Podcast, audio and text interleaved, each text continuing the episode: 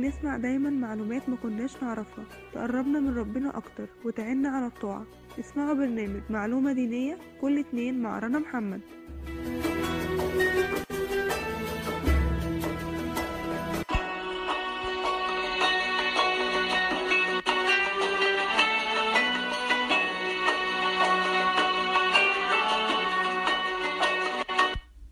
يا مساء الخير على أحلى مستمعين مستمعي راديو شيزوفرينيا. معاكم رنا محمد في حلقة جديدة من برنامج معلومة دينية. النهاردة هنتكلم عن موضوع مهم أوي. بيتحدد عليه حاجات كتير أوي في حياتنا. ممكن من خلاله حياتنا تقف أو حياتنا تكمل. موضوعنا النهاردة بيتكلم عن الصبر. الصبر اللي معظم الناس شايفينه حاجة صعبة أوي في حياته. في ناس عندها قدرة إنها تتحمل وفي ناس ما عندهاش أي قدرة إنها تتحمل. عشان كده الصبر بيكون من أصعب وأجمل الأمور في نفس الوقت. هو بيكون صعب عشان في ناس عزيمتها بتكون ضعيفة ما بتقدرش تستحمل أي موقف يقابلها. وبيكون جميل عشان الإنسان بيوصل للطريق اللي هو عايزه في الآخر. الإنسان طبيعي إنه يتعرض لمشاكل كتير أوي في حياته منها مشاكل سهلة ممكن ممكن تتحل في وقت قصير جدا ومنها مشاكل صعبة ممكن حلها يطول معاه. وساعتها الإنسان بيلجأ بس لحاجة واحدة وهي الصبر. ودلوقتي هنعرف يعني إيه كلمة صبر. الصبر هو قوة التحمل بمعنى إن الصبر بيعلم الإنسان إنه يتحمل المواقف اللي بتواجهه ويصبر على مشاكل الحياة ويعرف إزاي يتعامل معاها وبيبدأ يحلها. ويقدر كمان يتحكم في إرادته ويساعد الإنسان إنه بينال احترام كل اللي حواليه عشان الإنسان الصبور قادر إنه يتحمل كل اللي حواليه في كل وقت وفي كل لحظة. كل حاجة في حياة الإنسان بتحتاج لصبر. وفي أمثلة كتير عن الصبر. منها الصبر على البلاء ودي لها أشكال كتيرة جدا زي الصبر على مرض على فراق على فقر على ألم. أما الصبر على تحقيق الأحلام أي حلم بيحتاج لصبر ومن خلال الصبر بنبدأ نفكر وننفذ ونوصل للحلم بتاعنا.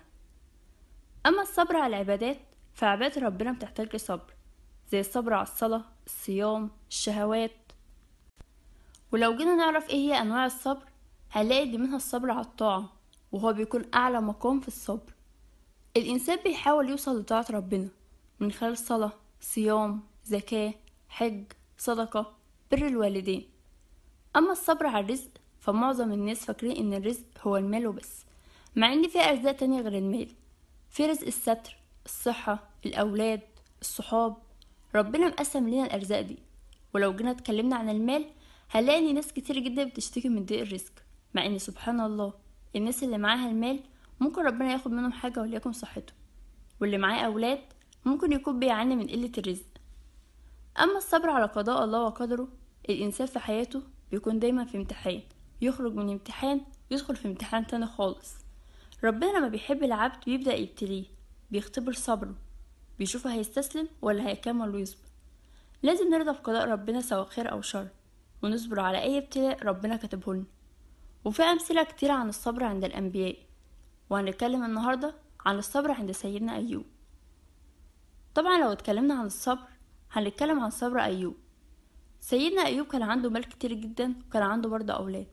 لما ربنا ابتلاه وخد منه أولاده وخد منه صحته المرض اللي كان عند سيدنا أيوب انتشر في جسمه كله ما عدا لسانه وقلبه. كان بيذكر ربنا بيهم على طول. وكل الناس بعدت عنه عشان المرض اللي كان عنده كان معدي جدا. وفضل صابر على بلاء ربنا لسنين.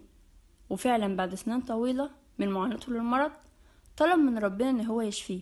وساعتها دعا ربنا وقال له يا رب إني مساني الضر وأنت أرحم الراحمين. ربنا فعلا استجاب لدعائه وخرج ينبوع من الأرض وطلب منه إن هو يشرب. وبعد ما شرب منه ربنا شفاه ورجع له صحته. القصة دي أكيد علمتنا حاجات كتير أوي في حياتنا. منها اللي إحنا منستعجلش في أي أمر من الأمور؟